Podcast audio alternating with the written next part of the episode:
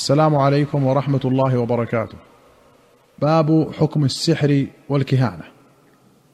أخرج البخاري عن أبي هريرة رضي الله عنه يبلغ به النبي صلى الله عليه وسلم قال إذا قضى الله الأمر في السماء ضربت الملائكة بأجنحتها خضعانا لقوله كأنه سلسلة على صفوان. فإذا فزع عن قلوبهم قالوا ماذا قال ربكم؟ قالوا للذي قال الحق وهو العلي الكبير. فيسمعها مسترق السمع ومسترق السمع هكذا بعضه فوق بعض. ووصف سفيان بكفه فحرفها وبدد بين أصابعه. قال فيسمع الكلمة فيلقيها إلى من تحته ثم يلقيها الآخر إلى من تحته حتى يلقيها على لسان الساحر أو الكاهن. فربما أدرك الشهاب قبل أن يلقيها. وربما ألقاها قبل أن يدركه فيكذب معها مئة كذبة فيقال أليس قد قال لنا يوم كذا وكذا كذا وكذا؟ فيصدق بتلك الكلمة التي سمعت من السماء. زاد في رواية عن أبي هريرة يرفعه أنه قرأ فرغ عن قلوبهم. قال سفيان وهي قراءتنا. قوله فرغ بالغين المعجمة من قولهم فرغ الزاد أي لم يبقى منه شيء. والقراءة المذكورة قراءة شاذة. وأخرج الشيخان عن عائشة رضي الله عنها قالت سأل أناس رسول الله صلى الله عليه وسلم عن الكهان فقال صلى الله عليه وسلم ليسوا بشيء. قالوا يا رسول الله فإنهم يحدثون أحيانا بالشيء يكون حقا. فقال صلى الله عليه وسلم تلك الكلمة من الحق يخطفها الجني فيقذفها في أذن وليه. وفي رواية فيقرقرها في أذن وليه كقرقرة الدجاجة فيخلطون فيها أكثر من مائه كذبة. وللبخاري قال إن الملائكة تنزل في العنان وهو السحاب فتذكر الأمر قضي في السماء فتسترق الشياطين السمع فتسمعه فتوحيه إلى الكهان فيكذبون معها مئة كذبة من عند أنفسهم. وأخرج مسلم عن ابن عباس رضي الله عنهما قال أخبرني رجل من أصحاب النبي صلى الله عليه وسلم من الأنصار أنهم بينهم جلوس ليلة مع رسول الله صلى الله عليه وسلم رمي بنجم فاستنار. فقال لهم رسول الله صلى الله عليه وسلم ماذا كنتم تقولون في الجاهلية إذا رمي بمثل هذا؟ قالوا الله ورسوله أعلم. كنا نقول ولد الليلة رجل عظيم ومات رجل عظيم. فقال النبي صلى الله عليه وسلم فإنها لا يرمى بها لموت أحد ولا لحياته ولكن ربنا تبارك وتعالى اسمه.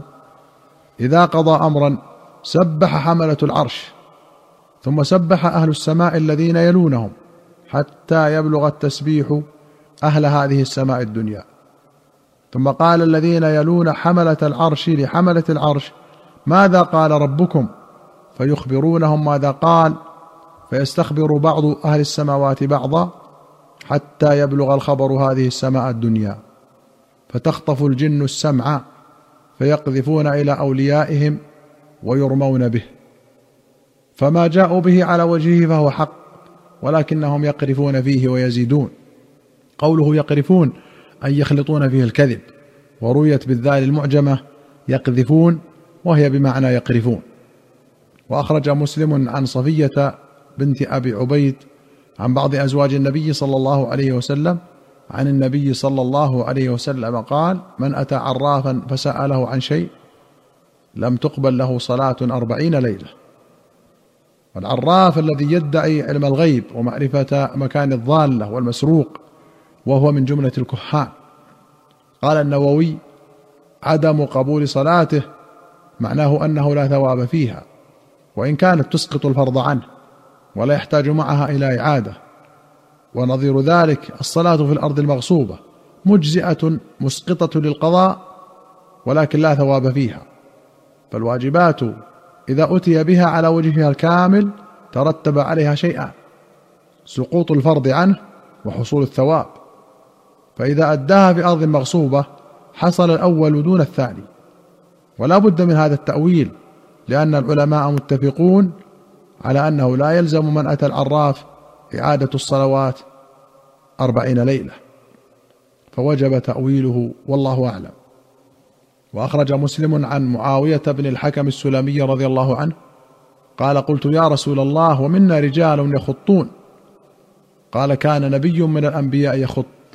فمن وافق خطه فذاك. قوله فمن وافق خطه فذاك قال النووي اختلف العلماء في معناه والصحيح أن معناه من وافق خطه فهو مباح له ولكن لا طريق لنا إلى العلم اليقيني بالموافقة فلا يباح والمقصود أنه حرام. وقال القاضي عياض ويحتمل أن هذا نسخ في شرعنا فحصل من مجموع كلام العلماء فيه الاتفاق على النهي عنه الآن. وأخرج ابن أبي شيبة وأحمد وابن ماجة وأبو داود والطبراني في الكبير والبيهقي في الشعب رحمهم الله جميعا بسند حسن عن ابن عباس رضي الله عنهما أن رسول الله صلى الله عليه وسلم قال من اقتبس علما من النجوم اقتبس شعبة من السحر زاد ما زاد. قوله زاد ما زاد أي زاد من السحر ما زاد من النجوم. والمنهي عنه من علم النجوم هو ما يدعيه أهل التنجيم من علم الحوادث التي ستقع في المستقبل. أما ما يعلم به أوقات الصلوات وجهة القبلة فإنه غير داخل فيما نهي عنه. قاله الخطابي والبغوي وغيرهما. قال الله تعالى وهو الذي جعل لكم النجوم لتهتدوا بها في ظلمات البر والبحر وأخرج أحمد والطبراني في الكبير والحاكم بسند حسن عن عقبة بن عامر رضي الله عنه أن رسول الله صلى الله عليه وسلم أقبل إليه رهط فبايع تسعة وأمسك عن واحد. فقالوا يا رسول الله بايعت تسعة وتركت هذا؟ قال إن عليه تميمة. فأدخل الرجل يده فقطعها فبايعه. وقال من علق تميمة فقد أشرك. التميمة واحدة التمائم وهي تعاويذ تحتوي على رقى الجاهلية من أسماء الشياطين وألفاظ لا يعرف معناها.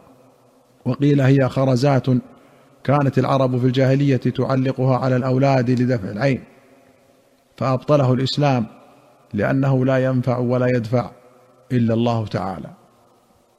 باب ما جاء في العدوى. أخرج مسلم عن أبي الزبير عن جابر رضي الله عنه قال سمعت رسول الله صلى الله عليه وسلم يقول لا عدوى ولا طيرة ولا صفر ولا غول. قال أبو الزبير الصفر البطن. فقيل لجابر كيف؟ قال كان يقال دواب البطن. قوله لا عدوى المراد به نفي ما كانت تزعمه الجاهلية وتعتقده أن المرض يعدي بطبيعته لا بقدر الله تعالى. ولهذا قال صلى الله عليه وسلم لا يريدن ممرض على مصح. وقال فر من المجذوم كما سيأتي. وقوله لا صفر كانوا يعتقدون أن في البطن دابة تهيج عند الجوع وربما قتلت صاحبها وكانت العرب تراها أعدى من الجرب. قال النووي وهذا التفسير هو الصحيح وبه قال خلائق من العلماء. وقد ذكره مسلم عن جابر راوي الحديث. فيتعين اعتماده. وقوله لا غول أي لا حقيقة للغول ولا وجود لها. والمراد نفي الأساطير حول الغول وما يزعمون من تلونها في صور مختلفة. أيها المستمعون الكرام إلى هنا نأتي إلى نهاية هذه الحلقة. حتى نلقاكم في حلقة قادمة إن شاء الله. نستودعكم الله والسلام عليكم ورحمة الله وبركاته.